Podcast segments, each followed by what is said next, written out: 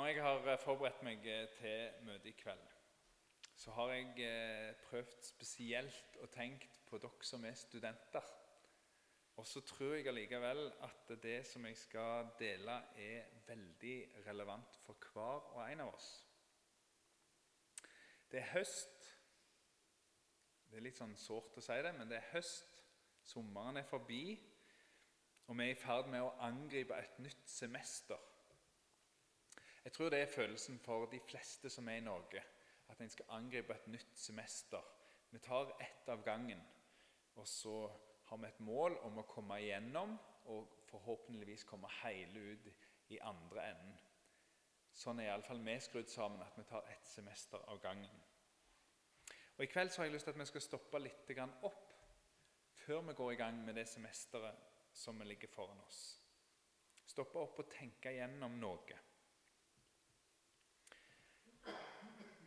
For jeg har måttet stoppe opp og tenke gjennom noe denne uka her. Og når jeg har stoppet opp med det, så har jeg merka at dette det tror jeg vi er flere som skal stoppe opp og tenke på. Og så tror jeg det er viktig når vi lever sånne liv der det er liksom ett semester av gangen, og det går bare neste kommer bare etter det andre, at vi tar oss tid til å stoppe opp og til å tenke. Tenke over hvordan vi lever for det er først når vi gjør det, når vi stopper og puster, at vi kan ha evnen til å ta valg og bestemme oss for noe, istedenfor å bare følge med det som kommer. Jeg skal ikke røpe helt hva jeg har tenkt å snakke om helt ennå. Men jeg kan røpe at i løpet av kvelden så kommer du til å bli stilt innenfor et valg. Du må ta et valg. Og det er et valg du kan ta bevisst. At du stopper opp, tenker over det og tar det valget.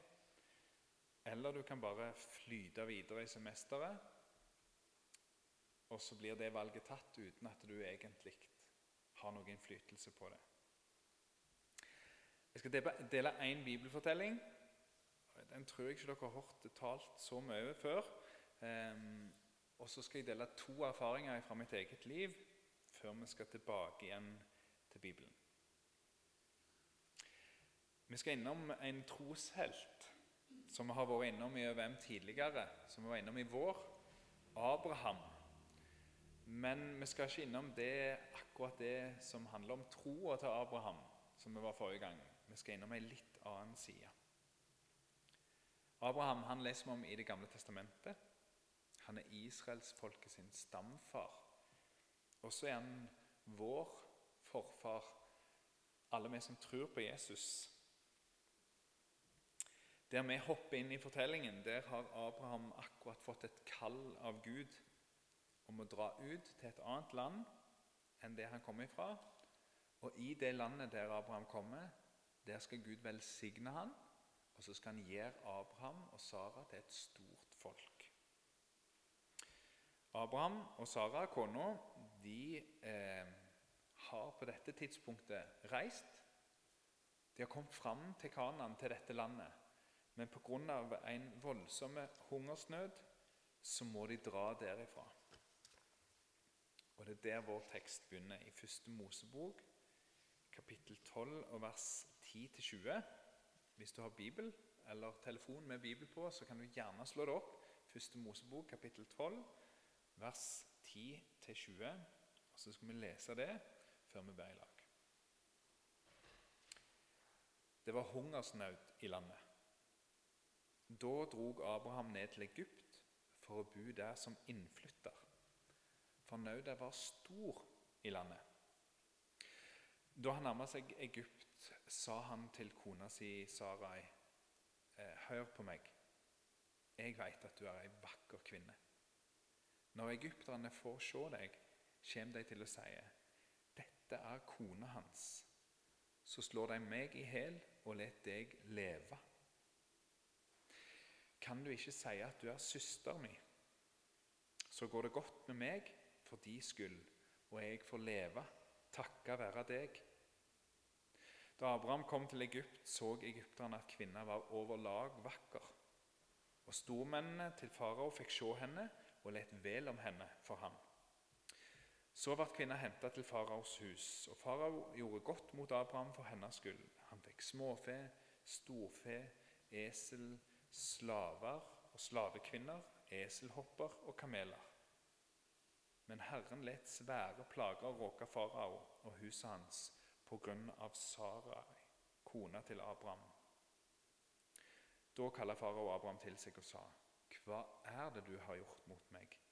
Hvorfor fortalte du meg ikke at hun er kona di?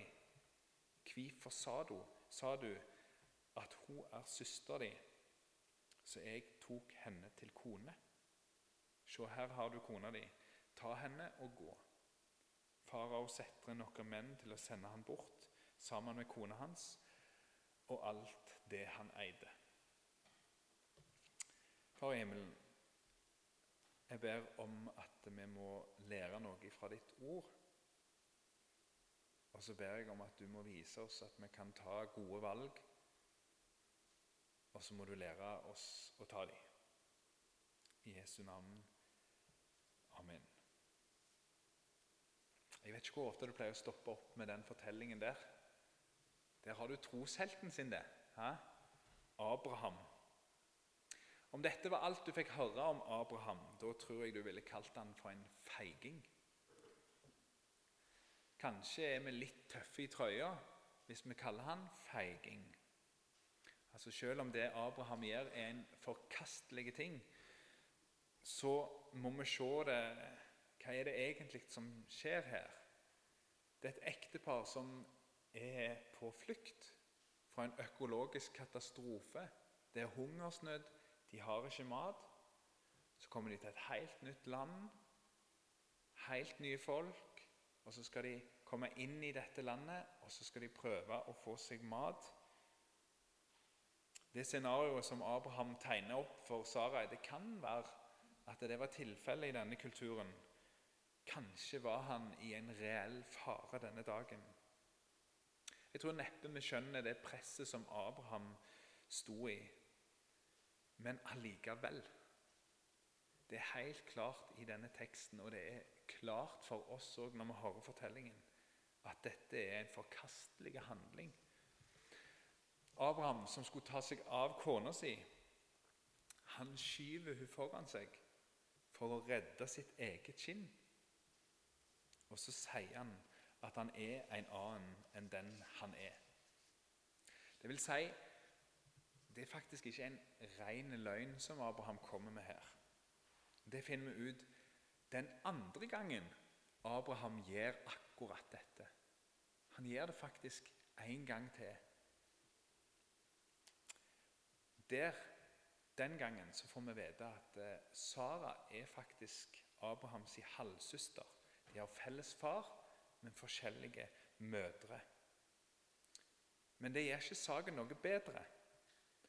Abraham har bevisst unnlatt å fortelle at han er gift med Sara for å beskytte seg sjøl, og så ofrer han Sara i prosessen. Han har holdt tilbake ei side av seg, og så har han vist fram ei annen. Og så er det dette jeg har lyst til å stoppe opp med. For selv om jeg tror at det er Altså, jeg tviler på at det er noen her som har gjort det så eksplisitt som Abraham gjør det, så tror jeg at mennesker i Norge i 2019 er blitt utrolig flinke til å sjonglere med ulike hatter og ulike roller. Og gå inn og ut av disse rollene alt etter hvor vi er hen. Vi gjør det på sosiale medier. Vi gjør det i familiene våre. Kanskje overfor ungene våre eller for våre foreldre. Det er lettere å få til i 2019 enn det var for mange år siden, for vi flytter på oss. Om du kommer til en ny plass, så kan du gjøre noe annet.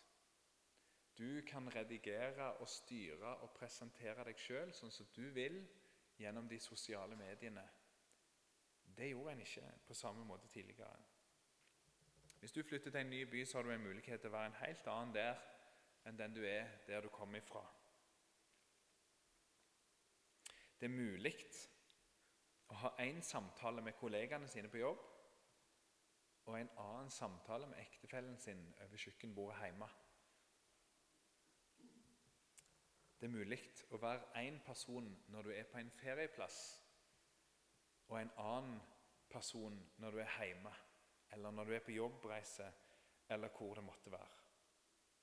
Vi kan, og jeg tror at de fleste av oss i større eller mindre grad gå inn og ut av roller på denne måten. Og I tillegg så kan det være sånn at vi kjenner på og vet godt hvem jeg er inni meg. Men hvem jeg er inni meg, det får ingen andre vite. På et vis er det naturlig, og det er sunt, eh, å gjøre dette. Når du er på studiet, så er det mest relevant at du er student. Altså det 'Hei, jeg er student'. Det er en helt naturlig måte å presentere seg sjøl på. Men denne strikken og det der å gå inn og ut av rollene den kan strekkes så langt at det blir et sånn et kunstig skille, hvor en ender opp med å bli forskjellige personer alt etter hvor en er. Og det er ikke sunt, og det er ikke sant, og da er vi ikke lenger hele mennesker. Hva var det som gjorde at jeg begynte å tenke på Abraham denne uka? Og hva var det som gjorde at jeg begynte å tenke på denne sida av Abraham? Jo, på mandag da dro jeg av gårde, og så sto jeg på stand, litt sånn trøtt og fæl etter å ha kommet inn fra hjortejakt. Eh, så sto jeg på stand på høgskolen eh, eh, her i Volda for Ørsta Volda misjonsforsamling. Altså, Jeg er i utgangspunktet en relativt frimodig type eh, og syns det er greit å snakke med folk. Og, men akkurat den greia her, å stå på stand, det er ikke særlig lystbetont. Det syns jeg ikke er noe kjekt, så da strekker jeg meg så mye jeg kan når jeg gjør det. Først og fremst så er det fordi jeg har et litt sånn anspent forhold til selgere som står på stand. Jeg synes ikke det. Jeg, ja, jeg har, vi kommer ikke så godt overens. Um, og det andre er at jeg aner liksom ikke hva jeg går i møte. Hva er det som skjer her når jeg står her? Du aner ikke hva som skal komme når du står der blant hundrevis av studenter som strømmer forbi. Hva er det jeg kan plutselig ende opp med å måtte forsvare eller ikke svare, forsvare osv. Etter å ha parkert på en parkeringsplass som var så trang at den eneste måten jeg klarte å komme meg ut, det var å krype over håndbrekket og ut på passasjersida på andre sida. Etter jeg hadde kommet meg ut av bilen med roll-up og det hele, kommet meg ned på BK-bygget, som jeg forsto det het, Berte-Kanutte-bygget, med kantina. Jeg hadde dratt opp roll-upen, satt opp et bord, satt med kaffekopp. Eh, så kom dette som seinere fikk meg til å tenke på Abraham. Det var ikke denne litt kleine stemninga med å sitte der og smile innbydende til folk som gikk forbi, som gjorde det. Det var ikke det at jeg var usikker på kom jeg til å treffe noen som jeg kjente, som kunne komme bort og snakke med meg. Det var heller ikke den lune samtalen som jeg hadde med han som sto på stand på sida av meg, som jobbet for studentparlamentet og prøvde å få folk inn til å stille til valg der. Men mens jeg sitter på stand, så oppdager jeg at inn dørene der kommer det ei som jobber i barnehagen til guttungen vår. Og der møtes plutselig to verdener for meg. Den ene der jeg er en utadvendt pastor i ØVM som gjerne vil fortelle om forsamlingen vår. Her holder vi til. Dette er det vi driver med. Og så videre. Og den andre der jeg er far til Jakob Altså Alle i barnehagen vet at jeg jobber som pastor. Det er ikke det. Men jeg er først og fremst han som henter Jakob i barnehagen. Og Når jeg da ser denne personen som kommer inn der, så kjenner jeg på en type frykt. Og så er det denne frykten som har gjort et sånt inntrykk på meg at jeg tenkte på Abraham. Hva var det jeg var redd for? Hvorfor var det ubehagelig at en person som jeg har god tone med, og som jeg samarbeider greit med, jeg får overlevert informasjon om hva han har gjort og ikke gjort, og hvordan han har oppført seg, og hva, ja, alt som følger med Hva er det som gjør at eh, det kommer et sånt et ubehag som meg der? Vet du hva, Jeg kan ikke svare helt fullgodt på det ennå. Men jeg tror at det handler om at jeg der og da ble nødt til å fylle dette pastor, som hun kjente til, med innhold. Hun fikk vite litt mer, eller Der kunne hun få vite litt mer av hva det egentlig handla om. Altså, Forstå meg rett, Denne barnehageansatte visste veldig godt at jeg jobbet som pastor, og at jeg jobber i NLM. Men det er ingen av oss som har gått noe særlig i sømmene for å avklare hva er det det innebærer. Verken hun eller meg.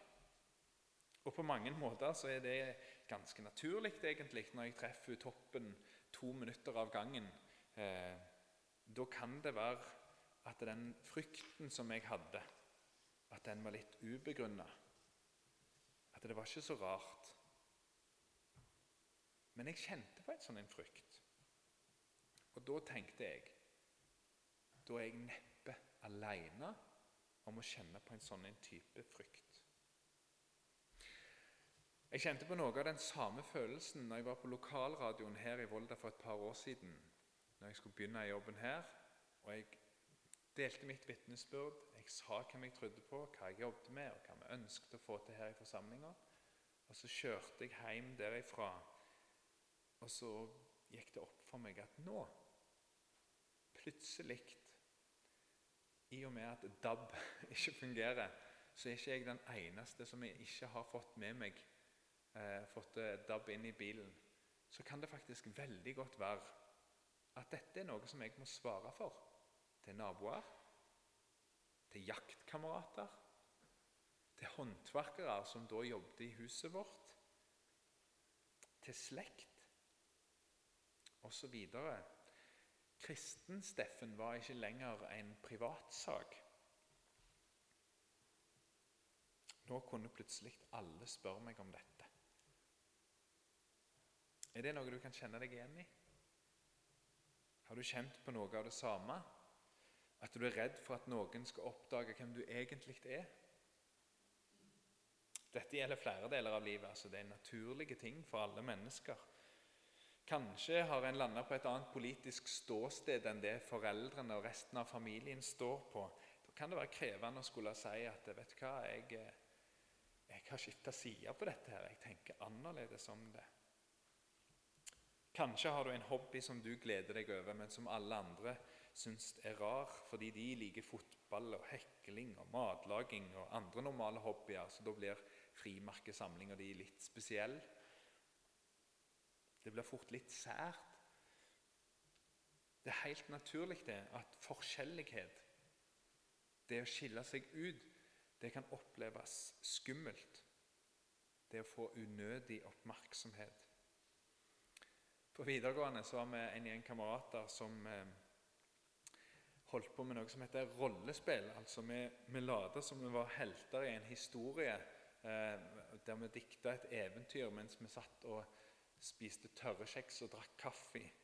Eh, det var klart at det, det, var ikke en hobby jeg fortalte til alle at jeg holdt på med da. Det var ei ganske sær greie. Og så er det sånn at for deg som er kristen i dag, så er det på en helt annen måte, men allikevel ei litt sær greie. Ikke her. Her er det helt normalt. Her går det fint. Men kanskje på din jobb? Kanskje blant naboene dine? Eller på studieplassen din? Og Når du kjenner på det, da er ikke du alene. Laget, altså Vox nasjonalt, eh, de hadde en spørreundersøkelse blant aktive kristne studenter der de ble spurt om de var åpne om trua si. Der svarte 76,6%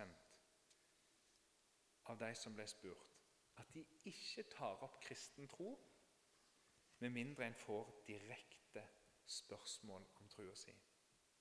76,6% Og de samme som svarte der, 93,7% mente at troa er ikke en privatsak.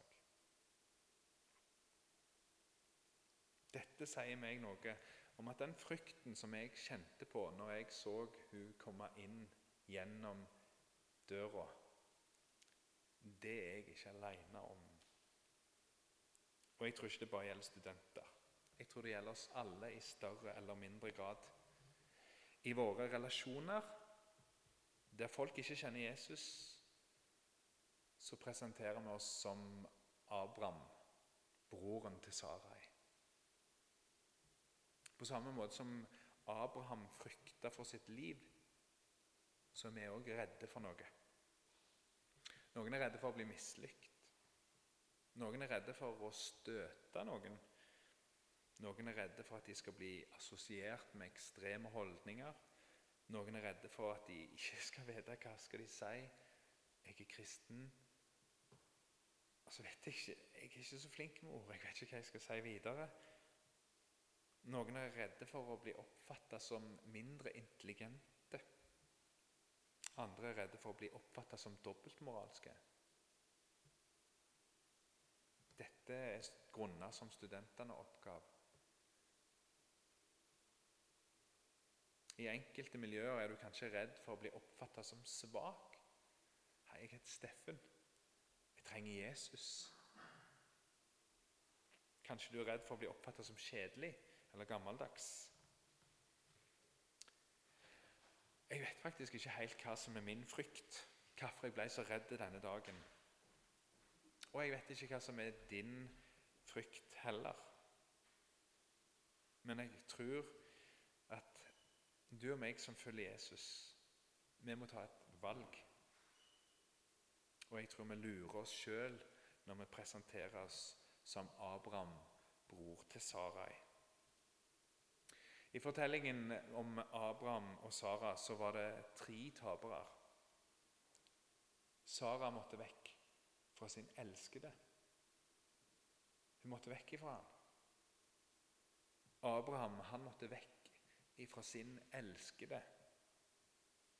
Han måtte vekk ifra henne. De ble atskilt. Og så blir farao plassert i en situasjon som han ikke ønska. Og det fikk noen enorme konsekvenser for ham.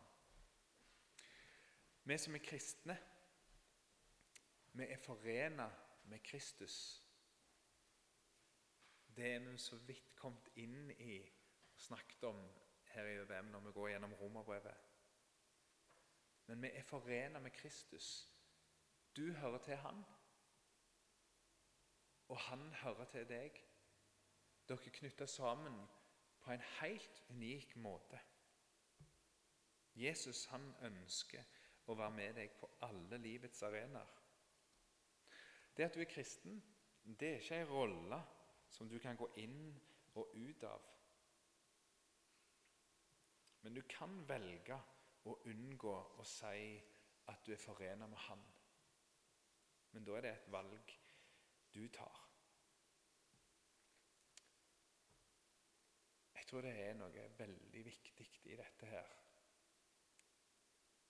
Jeg tror dette er en av kjernen til at så få får høre hvem Jesus er. Om du kjenner deg igjen i den frykten der, så snakk med Jesus om det. Det er ikke som om han ikke vet det. Hvis du vet de relasjonene der, der toner jeg det helt ned.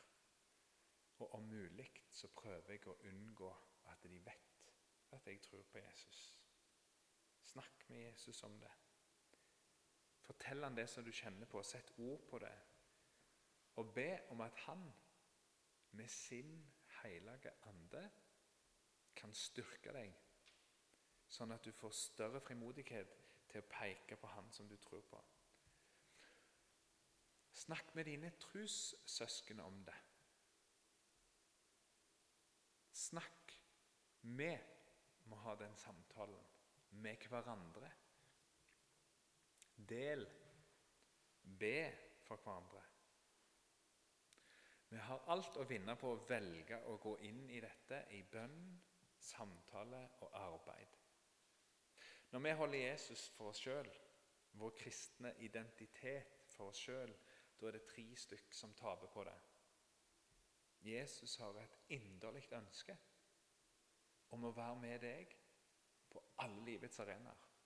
På studieplassen, i relasjonen til ungene dine, i relasjonen til dine foreldre, på jobben, i barnehagen. Jesus har et inderlig ønske om å være med. Du har godt av å ha med deg Jesus på alle arenaene i livet. Det er godt å ha han med deg. Det er godt å ha hans veiledning i hvordan du skal oppføre deg der du er. Det er godt å ha en nådig Gud med deg i alle disse relasjonene. De du treffer på på din studieplass, på din jobb De kan få oppleve ufattelige ting om de får treffe Jesus som du tror på.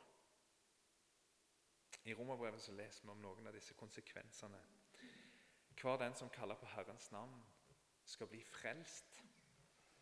Men hvordan kan de kalle på en som de ikke tror på? Og hvordan kan de tro på en som de ikke har hørt om? Og hvordan kan de høre uten at noen forkynner? Og hvordan kan de forkynne dersom de ikke blir utsendte, som det står skrevet? Hvor vakre de er, føttene til de som kommer med gledebåt. Men ikke alle var lydige mot evangeliet. Jesaja sier, 'Herre, hvem trodde budskapen vår?' Så kommer da trua av budskapen som en hører. Og budskapen kommer ved Kristi ord. Det kan få noen store konsekvenser. Jeg vet ikke hva du er redd for. Jeg vet ikke helt hva jeg er redd for. Men jeg er helt sikker på at jeg er ikke redd for at de skal bli kjent med Jesus. At de skal finne ut hvem han er. For om de blir kjent med han, så står han seg godt sjøl. Og så er det jo det det handler om. Jeg heter Steffen, og jeg tror på Jesus. Han er sjelden. Jeg har møtt mange gode folk opp gjennom tidene, men det er ingen som er så god som han. Det er mange som har gjort godt mot meg, men det er ingen som har gjort så godt mot meg som han. Det er ingen som kan måle seg med han. Og I tillegg til det så er han Guds sønn. Han har all makt i himmel og på jord. Han er veien, sannheten og livet. Og så får jeg tilbe han. Han har en kjærlighet som overgår alt. Han elsker deg høyere enn noen andre elsker deg. Hva velger du for dette semesteret? Hvem er du? Hvem er du på jobb? På din studieplass? I din familie eller i din vennekrets? Det må du velge. Gud velsigne deg i det valget. Herre Jesus, du ser at vi er Vi er enkle mennesker som har eh, utfordringer. Også noen ganger så mister vi blikket av deg, og så glemmer vi hva det handler om, og så blir vi redde. Jeg ber om at du må gi oss en frimodighet. Ikke til å stå på barrikadene nødvendigvis. Ikke til å gå hardest ut i debatter, men til å si 'Jeg tror på Jesus. Til å vitne om deg, Jesus. Vi legger oss som er samla her, og forsamlinga, i dine hender. Og så ber vi om at du med din hellige ånd må sette oss i stand til å gjøre nettopp det. Jesu navn.